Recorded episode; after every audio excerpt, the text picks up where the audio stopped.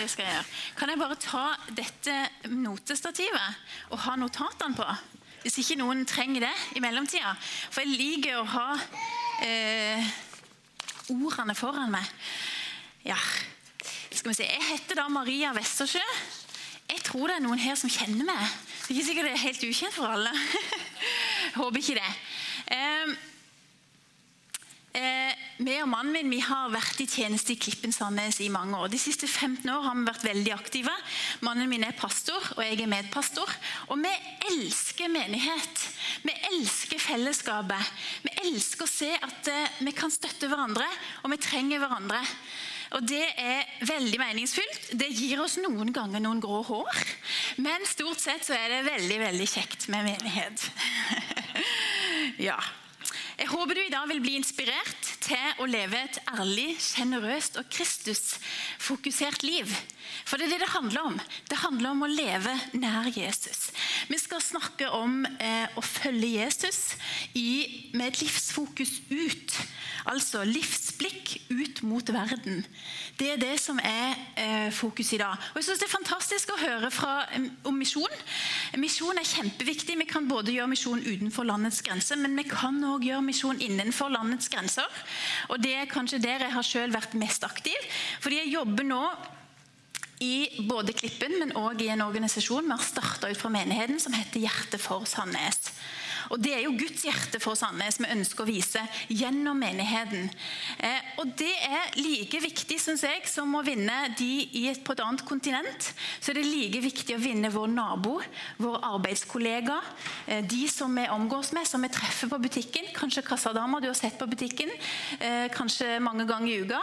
Like viktig at hun får oppleve Jesus som de som bor i et annet land. Eh, jeg skal ikke snakke så veldig mye om det ute i verden, da. Eh, for dette, vi vet så mye om verden allerede. Hvem er det vi skal vinne? Jo, vi vet om krig. Vi hører om korona. Vi hører om eh, utviklingen innenfor teknologi og vitenskap, og vi har peiling fordi vi følger med, ikke sant? Men jeg har tenkt å fokusere på det og vi og menighetsfellesskapet. For Jeg har tro på at Gud han innstifta menighetsfellesskapet, og han vil gjøre noe gjennom det. Det er ikke tilfeldig at vi samles som menighet. Det er utrolig kjekt å se at det er mange som samles på, på Betel, på Homosåk. Jeg tror det er flere menigheter på Homosåk som samles i dag. Og det er mange i Sandnes. Det er mange i Rogaland. Og tenk på det. Gjennom alle disse menighetene så vil Gud gjøre noe. Han vil bruke fellesskapet. Det er ikke tilfeldig at du er i Betel med de talentene og de gavene som du har. Du kan få bruke dem gjennom menighetsfellesskapet. Det skal jeg snakke litt om, og dette med personlig tro. Det med å ta vare ta ansvar for sin egen tro. Og vokse sånn at troa di kan bli slitesterk gjennom et langt liv. Så hva er da oppdraget? Jo, vi finner det jo i Matteus 28. Dere har sikkert lest det mange ganger før. Det er ikke sikkert dere trenger å lese det, men jeg vil lese det, så vi alle har det litt friskt med oss. Det er misjonsbefalingen. Det er dette voldsomme, eh, universelle eh, oppgaven vi har fått av Jesus da han sier meg er gitt all makt i himmel og på jord. Gå derfor ut og gjør alle folkeslag til disipler, idet dere døper dem til Faderens og Sønnens og Den hellige ånds navn, og lærer dem å holde alt det jeg har befalt dere. Og se, jeg er med dere alle dager inntil verdens ende. Det kan føles litt voldsomt at vi skal gå ut til alle verdens folkeslag. Det var over 600 folkeslag. 6000 folkeslag, det er jo voldsomt uoversiktlig. Eh, og så skal vi liksom vinne alle disse. Men jeg tror vi bare begynner å ta en liten bit av gangen. Akkurat som når du skal spise en stor eh, middag, så må du begynne et sted. ikke sant? Og så kommer du fort til endes. Men du må begynne et sted. Og så, eh, hvis alle begynner litt i en ende, så går det så mye fortere enn om én menighet skal gjøre alt. Så derfor er alle menigheter viktig. Jeg tror at Som enkeltindivid i fellesskapet så eh, skal vi ikke gjøre dette alene. Vi er avhengig av det fellesskapet som vi har. Jeg eh, vil bare gå til meg sjøl. Nå har jeg eh, rot i papirene mine. Så nå skal jeg bare finne det riktige arket som skulle vært her. Ja. I min ungdom Jeg har jo vokst opp i kristen menighet. ikke sant? Eh, har egentlig ikke ehm, vært så veldig mye utenfor menighetens vegger. Jeg prøvde meg litt en periode i ungdommen å gjøre litt opprør og gå med litt utradisjonelle klær og farge håret litt. Men det lykkes aldri å gjøre det store opprøret. Så jeg er egentlig litt glad for det når jeg ble 40, da, for da er det ikke så mye å ta med på. Men eh, i min ungdom så hadde jeg en ungdomspastor, og det er så viktig. vet du. Det som skjer i barne- og ungdomsårene, det setter dype spor. Så hadde jeg en ungdomspastor som heter Geir Myhra. Han kjenner deg kanskje til. Han var en fantastisk raus mann. Og han malte opp for oss, og i mente Galaterne 2,20. Og Der står det jo om å korsfeste oss sjøl. Eh, og det satte veldig dype spor. Skal bare ta det med dere òg. Der står det Jeg er korsfestet med Kristus. Jeg lever ikke lenger selv, men Kristus lever i meg. Det liv jeg nå lever i kjødet, det lever jeg i troen på Guds sønn, han som elsket meg og ga seg selv for meg. Og Det er litt befriende. At vi faktisk kan på en måte overgi oss til Kristus. For Kristus lever i oss. Han lever gjennom oss. Og da er mine kvalifikasjoner ikke alltid utslagsgivende. Da er det Kristus i meg som blir synlig når jeg skal leve livet. Og det ga meg som ung en veldig trygghet i at Gud, du er med. Du lever gjennom meg. Når jeg kommer til kort, så er du styrken min. Så er det du som blir synlig. Så kan jeg stole på det at du vil tale gjennom meg. Og Det handler litt for meg også om å overgi mitt liv. Og jeg tror Misjon handler mye om det. Vet ikke, Hvis du spør en misjonær hva han måtte ofre, så tror jeg han sier alt. At du ofrer veldig mye, og du får veldig mye. Men du må være villig til å si jeg er korsfesta med Kristus. Det livet jeg lever nå, det lever Jesus lever i meg. Han skal bli synlig gjennom meg. Jeg vil korsfeste meg sjøl. Jeg vil ikke bare ha egne ambisjoner og masse mål og, og liksom leve for min egen agenda. Jeg vil hengi meg til det Kristus vil gjøre gjennom meg, og stole på det. Men det høres veldig lett ut, og så er det veldig veldig vanskelig. Og jeg tror det er mange misjonærer som både er misjonærer i utlandet og i Norge, som mange ganger har tenkt Var det dette jeg virkelig skulle gjøre? Skulle det ikke føltes som Gud var litt mer nær og litt mer med? Skulle jeg gå gjennom disse utfordringene nå? Ja, jeg tror det. Det er ikke alltid like lett. Av og til kan Gud synes veldig langt borte, men jeg tror han er veldig nær. Selv gjennom de hverdagslige utfordringene så er han veldig nær. Så jeg bestemte meg tidlig i uh, min ungdom at Jesus, jeg vil leve et liv så jeg kan vise din kjærlighet. Og det tror jeg at Man stadig må ta nye sånne eh, bestemmelser i livet. Jeg vil leve et liv som gjør at Jesu kjærlighet blir synlig gjennom meg. Jeg vil legge ned litt egne ambisjoner. For vet du, Jeg er en kreativ person, og veldig ofte så kommer det opp egne ambisjoner og egne ideer. Og Det kan det fort gjøre hvis du ser at det blir vekst en plass. Og så kommer det masse tanker om kanskje vi skulle gjøre det, ja. kanskje vi skulle gjøre det. ja. Men eh, da er det litt viktig å spørre han som er oppdragsgiveren. Hva var egentlig retningen med dette? Var det meg, eller var det du som hadde oppdraget? Jo, det var han, ikke meg. Så Gjennom hele livet så har Jesus lagt ned sånne stolper av tro i mitt liv. Og Det tror jeg dere kan kjenne deg litt igjen i. Kanskje det er et bibelvers du fikk ved konfirmasjonen. Kanskje det er en sang du synger, så når du synger den, så kjenner du at å, det strømmer fram en elv av tro og av inspirasjon av den sangen. Og Kanskje det er eh, en samtale du har hvor du kjenner at dette temaet det rører meg. Jeg, dette har Gud lagt ned i et ønske om å gjøre noe med. Og For meg noen ganger så har det vært sånn at eh, akkurat som Gud har kasta inn et utropstegn i fanget mitt. Og jeg har tenkt ja, dette, du lar meg se noe. Wow, dette vil jeg gjøre noe med. Dette rører med meg. Urettferdighet, f.eks. Dette kan jeg ikke bare la ligge. Ja, så tror jeg at Gud er avhengig av at vi går egne prosesser med som er enkeltperson i menigheten, for at han skal gjøre ting gjennom menigheten. Dette henger veldig sammen. For at menigheten skal kunne utføre et misjonsoppdrag, så må òg den enkelte ha gått noen prosesser og gått noen, en trosreise. ikke sant? For at vi skal bli modne, for at vi skal bli klar. Eh, så Eh, jeg tror det kan være nyttig for menigheter. da. Nå går jeg litt til egen erfaring med menigheten jeg selv er i Klippen. Vi, vi begynte å stille oss noen spørsmål for noen år siden. Og Da var det denne eh, eh fortellingen i Bibelen om Elisha og enka i andre kongebok 4.2 som ble veldig tydelig for oss at vi måtte stille oss dette spørsmålet.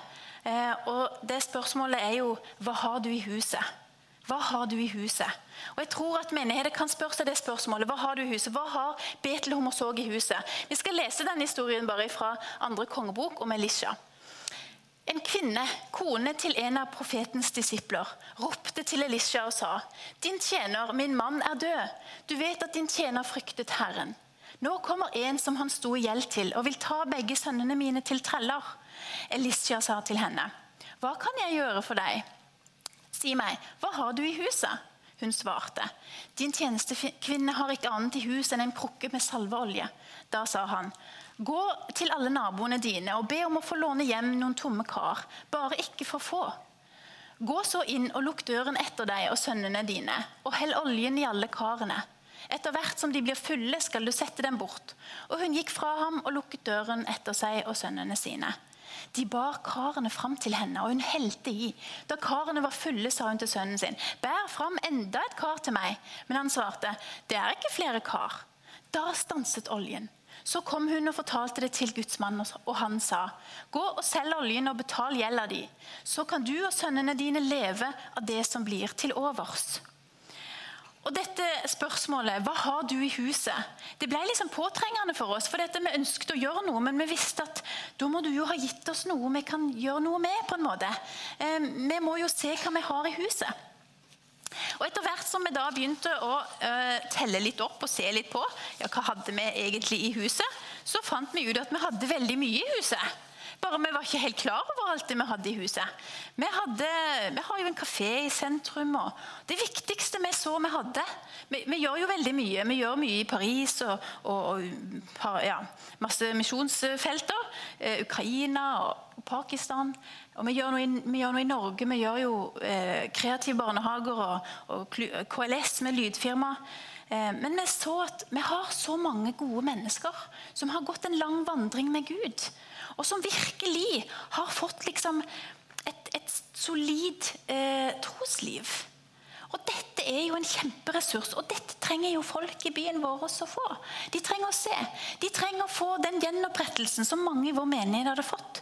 Og den troen på at Gud kan bruke dem. Og bare få møte Guds kjærlighet. Så jeg tror det at eh, når vi begynte å bare liksom kartlegge litt, hva har vi, så så vi vi har en stor, eh, en stor mengde med folk som er kjempegode folk på bare å vise gjestfrihet. Invitere. Mange har store hus. Invitere hjem til seg. Mange har hytter. Eh, gi noen en hytteferie. Mange hadde mye tid, f.eks. Jobbet redusert, hadde god råd. Kunne være, eh, gi av sin tid til andre, f.eks. Eh, og vi tenkte kanskje Gud vil bruke nettopp dette for å møte noen mennesker i byen, vårt, i byen vår. Eh, og så begynte vi å jobbe med dette. Litt sånn eh, individuelt og litt i, i grupper. da, Hvor vi så hvordan kan vi eh, bruke dette for byen vår. Eh, vi fikk, eh, vi fikk, mange utfordringer gjennom det, og vi fikk mange gleder òg. Eh, noen valgte å henge seg veldig på, noen valgte å ikke henge seg på. Vi valgte å ikke bli motløse av de som valgte å ikke henge seg på. Eh, for det kunne vi lett ha blitt. Nå har jeg rot igjen i papirene. Skal vi se, Det var voldsomt, det her. Ja, her. Jeg skal gå til litt personlig av min egen reise. da. For at ja, jeg vokste opp i kristent hjem, men jeg hadde jo ambisjoner om utdanning og karriere og hele pakka. Eh, og trodde på et tidspunkt jeg hadde drømmejobben min. Eh, og hadde fått to barn og var egentlig ganske lykkelig og tilfreds. Og hadde på en måte satt meg litt ned. Ikke det at det var ikke på hugget, liksom. Men, men, jeg hadde kanskje sett at ja, men det var fint at du hadde en tjeneste for meg, Gud. Det var fint. Dette er behagelig.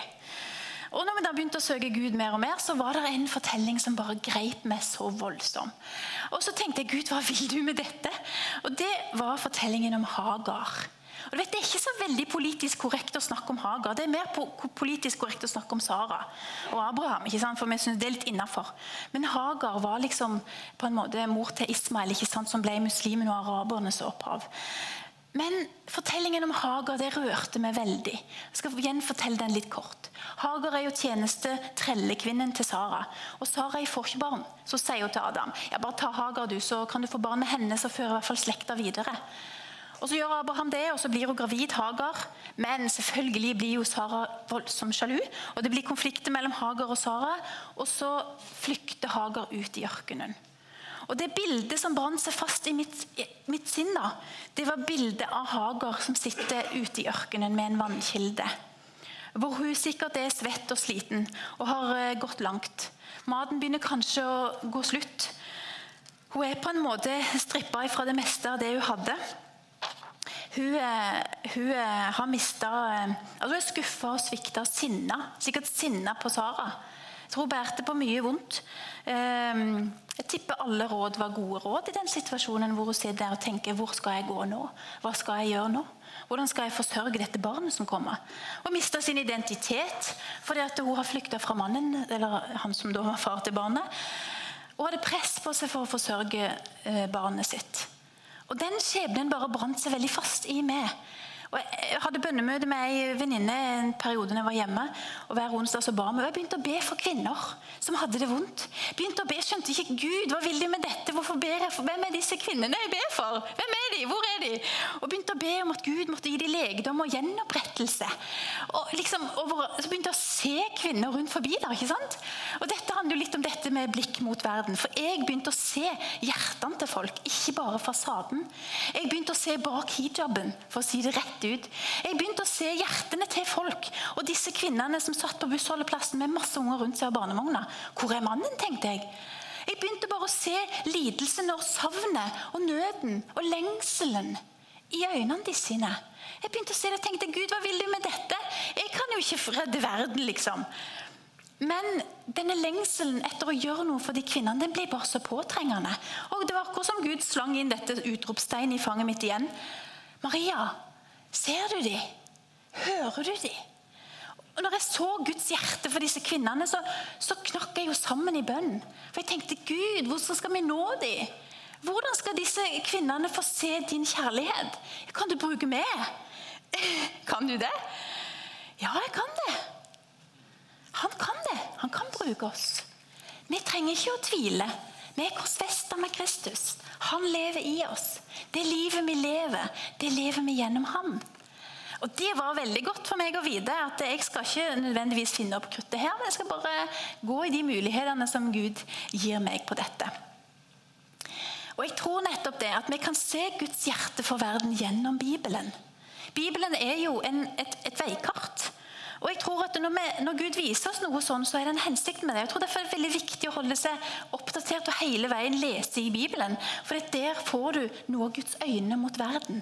Hva er det Gud ser? Hvor er Guds hjerte? Hva er det Gud lengter etter å gjøre rundt oss? På Hommersåk, i Sandnes, der som vi er. Hva er det han lengter etter å gjøre? Og Vi vet at det er mange i vår by som har det sånn som disse kvinnene. Det er mange som har flykta. Det er mange som er, er alene unge, gamle, innvandrere, norske, arbeidsledige, velutdanna. Du kan egentlig se det overalt. De bærer på skuffelse og skyld. De har negativt selvbilde. De er sinna på noen. De kan være fattige, og nødvendigvis ikke fattige på økonomi, men fattige på relasjoner. Fattige på helse, at de har dårlig helse. De kan være fattige på eh, kvalifikasjoner. Kanskje de ikke klarte skolegangen. Kanskje de føler seg skikkelig mislykka.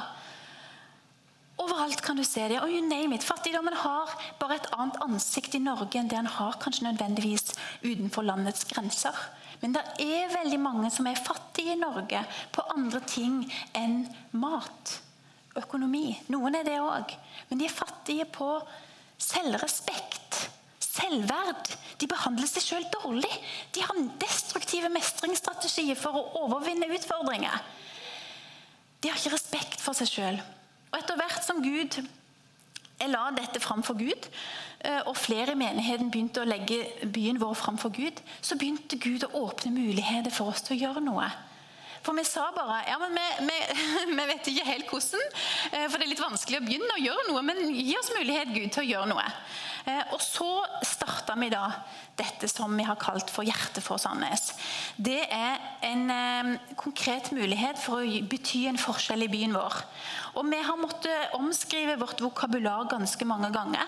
fordi at Vi ønsker ikke bare at kristne skal være involvert i Hjerte for Sandnes. Vi ønsker å engasjere næringsliv, innvandrere, muslimer, andre trosretninger. Vi ønsker å engasjere alle. For vi tror at eh, med vår tilstedeværelse så kan vi vise Guds kjærlighet. Vi er ikke så redd for å være i nærheten av synd. Jeg er ikke så redd for det. Jeg tror ikke at jeg blir en synder fordi vi sitter sammen med noen som synder. Da hadde jo Jesus blitt en synder. Det var jo ikke tilfellet. Så Vi trenger ikke å skygge unna. Vi må være frimodig til stede. Være korsfesta, være hengitt, overgitt. Og tro at det kommer ikke an på meg, men Kristus som lever i meg. Han vil at alle skal få høre om ham. Han har en agenda. Han har en oppgave for oss.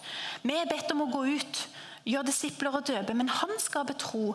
Han trekker til seg de menneskene som han vil skal møte ham. Og Det har han gjort masse gjennom vår organisasjon da, og gjennom menigheten vår. Vi har veldig fokus på å bygge bro inn til menigheten. For de kommer kanskje først inn og blir kjent med oss, og så bygger vi bro videre til menigheten.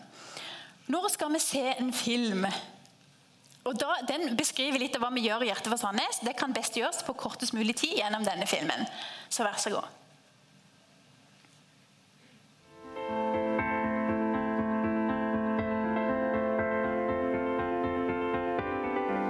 Sandnes ble etablert i 2016 med et stort ønske om å bety en forskjell for byen vår.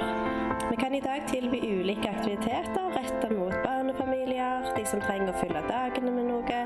Vi har nettverkstreff, musikkafé, eh, som òg en del som er i arbeidspraksis, pluss mange frivillige.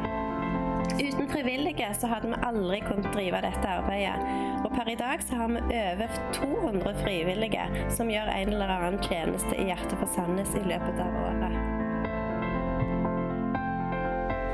Kafé nummer 13 er en kafé for rusmisbrukere i Sandnes. Det er et samarbeid mellom Hjertet for Sandnes og Klippen. Her får brukerne våre to ganger i uken et varmt måltid mat og tilgang til klær og ekstra mat. Til og med en dusj. Vi i Hjertet på Sandnes er en av medstifterne av Matsentralen i Rogaland. Vi tar ut mange titalls tonn mat hvert år, som brukerne våre får glede av. Bl.a. i våre aktiviteter som Hjertelageret, Kafé nummer 13, Hjerteverkstedet og andre aktiviteter som vi har.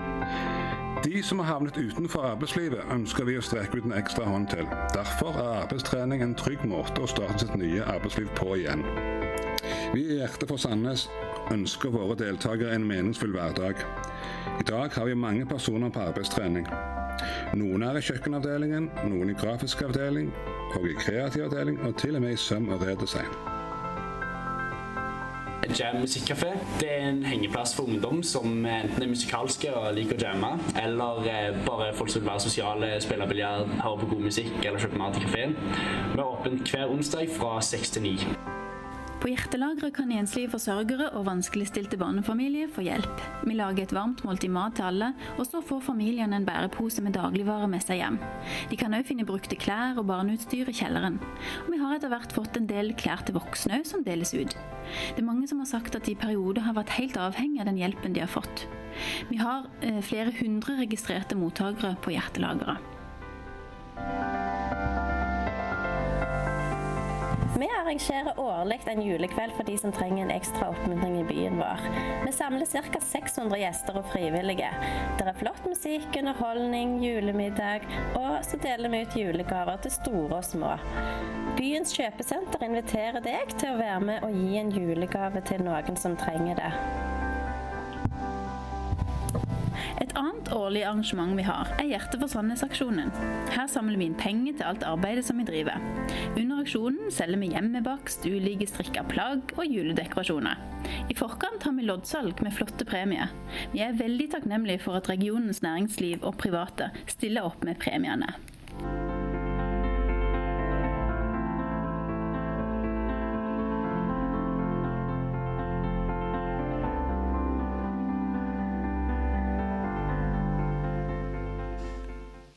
Ja. Mitt ansvar i organisasjonen er mest dette med barnefamilier og enslige forsørgere. og Det springer jo ut ifra dette hjertet da, som jeg så, Guds hjerte for disse kvinnene og for disse barna. Som føles føler seg annerledes og som blir utenfor, stort sett eh, nesten som en sånn identitet. Um, er vi misjonærer? Vi lever livet sånn som jeg tror Jesus vil vi skal. Eh, og Jeg har ikke noe behov for å sette meg sjøl i en bås som misjonær eller en stereotyp. Det egentlig liker jeg ikke. Men eh, jeg vet at det er mange som har fått oppleve Guds kjærlighet gjennom det vi gjør. Og vi har fått noen eh, som har blitt med inn i menigheten i ulike aktiviteter. Det har ikke vært målet vårt å si ja, nå er det så så mange, så mange antall av det og sånn. Målet vårt er å stadig spre Guds kjærlighet og la byen få se hvem Gud er, og hvem Jesus er. Men jeg tror at så lenge vi lever i den tjenesten som Gud har gitt oss, så kan vi alle kalle oss litt sånn hverdagsmisjonærer. Så er vi på en plass hvor Gud vil ha oss. Eh, og jeg opplever at Gud la et kall på menigheten til å være noe for byen vår. Og Det kan en selv gjerne kjenne seg igjen i om Gud har lagt et kall på. Jeg vet jo at dere i Betel gjør mye ute i, i bygda. Og Noen ganger er det som om, eh, om Gud på nytt på en måte slenger en brannfakkel inn eller et utropstegn i fanget. Ja, men det er noen her som trenger han, og han trenger noen redskap for å nå ut til folk så tror jeg vi er kalt som menigheter som enkeltpersoner til å vise hvem Gud er, og vise hans kjærlighet og leve hans kjærlighet. Og Da trenger vi fellesskapet for å holde hverandre oppe og være på vei. Jeg tror at diakoni og tradisjonell misjon, eh, som vi kjenner den gjerne i utlandet, det har et annet ansikt i Norge. Jeg har noen venner som jeg eh, jobber med i Hjertevårt Sandnes, eh, som har kommet til organisasjonen for eh, to år siden muslimer. Og de går fortsatt med hijab. Og Jeg har ingen mål om at de skal slutte å gå med hijab og bli, bli kristne, kulturkristne, sånn som vi er i våre menigheter, mange av oss. Ingen mål om det. Men jeg vet hva som bor i hjertene. For jeg har sett at det er noen trospirer når vi snakker sammen. Og det er håp i øynene når jeg snakker om den Gud og den Jesus som jeg har møtt. Som er kjærlig, som er nådig, og som vil bare vel. Eh, og Det betyr mer for meg enn om at de utad skal gå ut og bekjenne og på en måte bryte ut av et sosialt nettverk. Men vi jobber litt utradisjonelt. Vi bygger på relasjoner. Vi bygger på vennskap. Vi ønsker først og fremst at de skal ha noen kristne venner. Sånn at det kan være trygt å spørre om råd den dagen krisa inntreffer. Og Mange av de vi møter gjennom vår organisasjon, de er i kriser hele tida. Noen de har kriser hver måned og nærmest vil gå fra mannen eller vil eh, bryte opp livet hele tida. Det kan være krevende å stå i. Vi trenger fellesskapet for å klare å stå i sånne relasjoner. Og Du trenger da å ha en visdom og stole på Gud i møte med de om at Kristus, du vil gi meg rette ord i rett tid. Jeg er ikke avhengig av å ha alt på forhånd, men du vil komme med din visdom inn i relasjon og inn i samtale når det er klart. Tiden som vi lever i, den utfordrer språket vårt. Fordi vi har et veldig sånn kristent språk mange ganger, hvor vi bruker noen ord som ikke folk forstår. Eh, de forstår ikke frelse, evangeliet. Altså, vi, må, vi, måtte, vi, har, vi, gjorde en sånn språkvask, vi som jobbet i Hjertet vårt Håndnes. Liksom, ja, Man må rett og slett omdefinere. Hva er frelse? Hva er nåde? Vi må ha et annet ord som folk forstår. For Når vi snakker om disse tingene til folk, så bare skaper det avstand. De, de tenker dette er noe helt annet, fremmed. Så vi måtte omskrive mye. Og Det var viktig for oss, for da kunne vi nå inn med, med språket vårt. Så ordene vi bruker, må være oppdaterte. Men folk trenger fortsatt å bli elska. De trenger fortsatt å oppleve tilhørighet og ha venner og relasjoner og komme hjem. Det er kanskje det vi ser mest hos folk. At de trenger å komme hjem, komme på plass. Og få eh, et håp og få en trygghet i livet. Så har jeg lyst til å gi en utfordring til slutt. Jeg vet ikke hvor langt vi er kommet i møtet, men kanskje vi skal synge noen lovsanger på slutten. Så da kan bare bandet komme opp. Det var forresten veldig herlig. Jeg følte meg veldig hjemme i lovsangen. Veldig godt gudsnærvær. Så det skal vi fortsette med. Og da skal jeg gi dere en utfordring. Vi, vi ber jo ikke fram til forbønn, for det er litt sånn koronavennlig. Men jeg tenkte det at der hvor du står nå når vi synger, så vil jeg utfordre deg på noen spørsmål som du kan stille deg sjøl og kanskje gi noen svar på. Og kanskje det er Gud som stiller deg disse spørsmålene, sånn som han gjorde med meg. At han utfordrer meg på disse spørsmålene her. Altså, når vi møter mennesker og skal leve midt i synden, er du villig da til å være pastor for dem? Er du villig til å ikke bli påvirka, men å påvirke sjøl? Er du villig til å bli korsfesta og tenke og stole på Kristus i de relasjonene? Vil du være pastor for de som ikke vil kalle seg for kristen? Kanskje de kaller seg noe helt annet. Vil du være pastor for dem? For du vet at du kan være pastor for dem, selv om de ikke bekjenner seg som kristne. Er du villig til å eh, være pastor for de som ikke tør å komme i kirka? For de som aldri kommer til å sette sin fot på Betel eller i noe annet kirkesamfunn. Er du villig til å ta på deg en slags oppgave i bønn for dem? Og være pastor for dem? Be for dem? Spør dem hvordan det går? Vær en, en emosjonell, følelsesmessig person rundt dem som ivaretar dem. Er du villig til det? Ja, men du trenger fellesskapet for å stå i det. Du trenger det. Menigheten. Er du villig til å ofre dette? Jeg tror at Jesus kaller oss til det i vårt nærmiljø. Jeg tror at Gud lengter etter å møte de som du omgås med hver dag. Jeg tror at han, Hans hjerte blør for mange som vi treffer hver dag. Og Gud lengter etter en mulighet til å nå inn til dem. Og vi er der. Og vi har et villig hjerte, så vil han bruke oss. Jeg tror at eh, vi ikke trenger å trekke oss unna synd. Ikke vær så redd for det. Vær midt i det, og stol på at Gud er med deg. Kristus er i det. Han vil bruke det. Han vil at du skal være sterk. Han vil være din styrke. Jo mer skrøpelig du blir, jo mye sterkere kan han være i det. Ikke trekk deg unna men lev et Kristus-sentrert liv. Et raust liv, et kjærlig liv, som viser hvem han er. Når han ga sitt liv, så kjærlig var han, at han ga sitt liv på korset for oss. Og Den kjærligheten er meg og deg kalt til å vise til de vi treffer hver dag. Kan du gjenspeile Guds kjærlighet til disse? Kan du se det i øynene? Og kanskje det er noen blikk som du unngår. Kan du møte dem? Kan du se dem? Er du villig til å bruke tid på dem? Vi kan Gud kan vinne verden. Vi kan gjøre det. Menigheter, enkeltpersoner. Det er ikke umulig. Vi kan se enda mer av himmelen på jord hvis vi er villige til å bli brukt og legge ned vår eget. Så skal vi reise oss opp og så synger vi litt. Og så kan du svare innenfor Gud på disse spørsmålene. Er du villig til å være pastor for de som aldri tør å kalle seg for kristne? For de som aldri tør å komme på Betel eller i en menighet? Er du villig til å være de sin bønnekjempe? For du vet at Gud svarer bønn.